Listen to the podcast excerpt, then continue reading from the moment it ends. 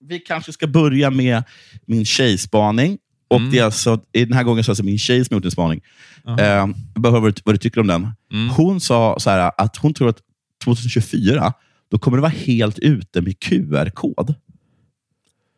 2024, ja, det är om Ja. ett år då. Ja.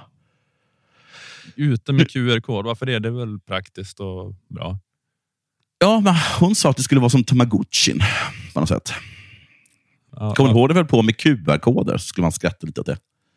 Okej, men eh, ja, det, ja, det känns som en konstig liknelse för Tamagotchin var ju mer något... eh, Ja, det var att båda är japanska då.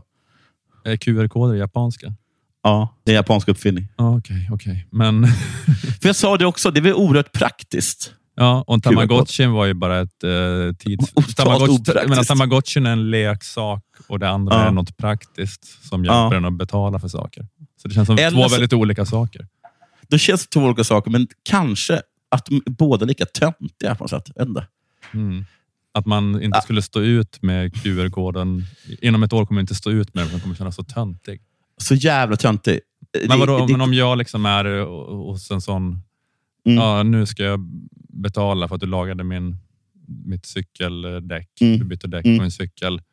Mm. Eh, Och då kommer jag inte så här fota av QR-koden när jag ska swisha. utan QR-ko- jag kommer- QR-koden jag kommer, kommer- jag kommer knappa in ja, siffrorna precis. i det långa numret Ja. istället för att eh, det kommer Ja. kännas så ute och fota av Ja. QR-koden.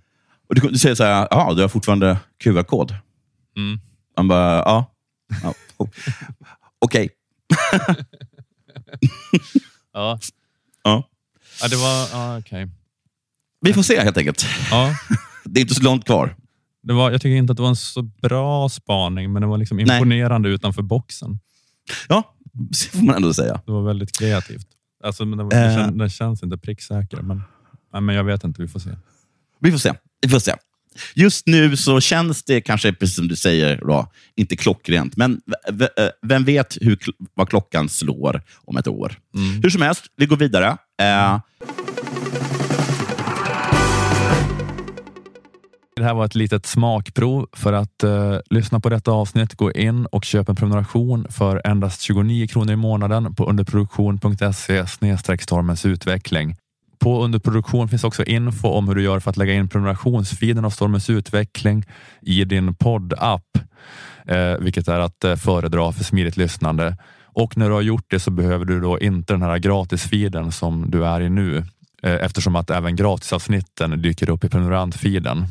Och går du in på underproduktion.se appar så finns det eh, pedagogiska videoguider för eh, de olika apparna. Du kan välja vilken som är din favoritapp som du använder och så finns det en videoguide där för hur man lägger in eh, prenumerantfiden i sin poddapp där.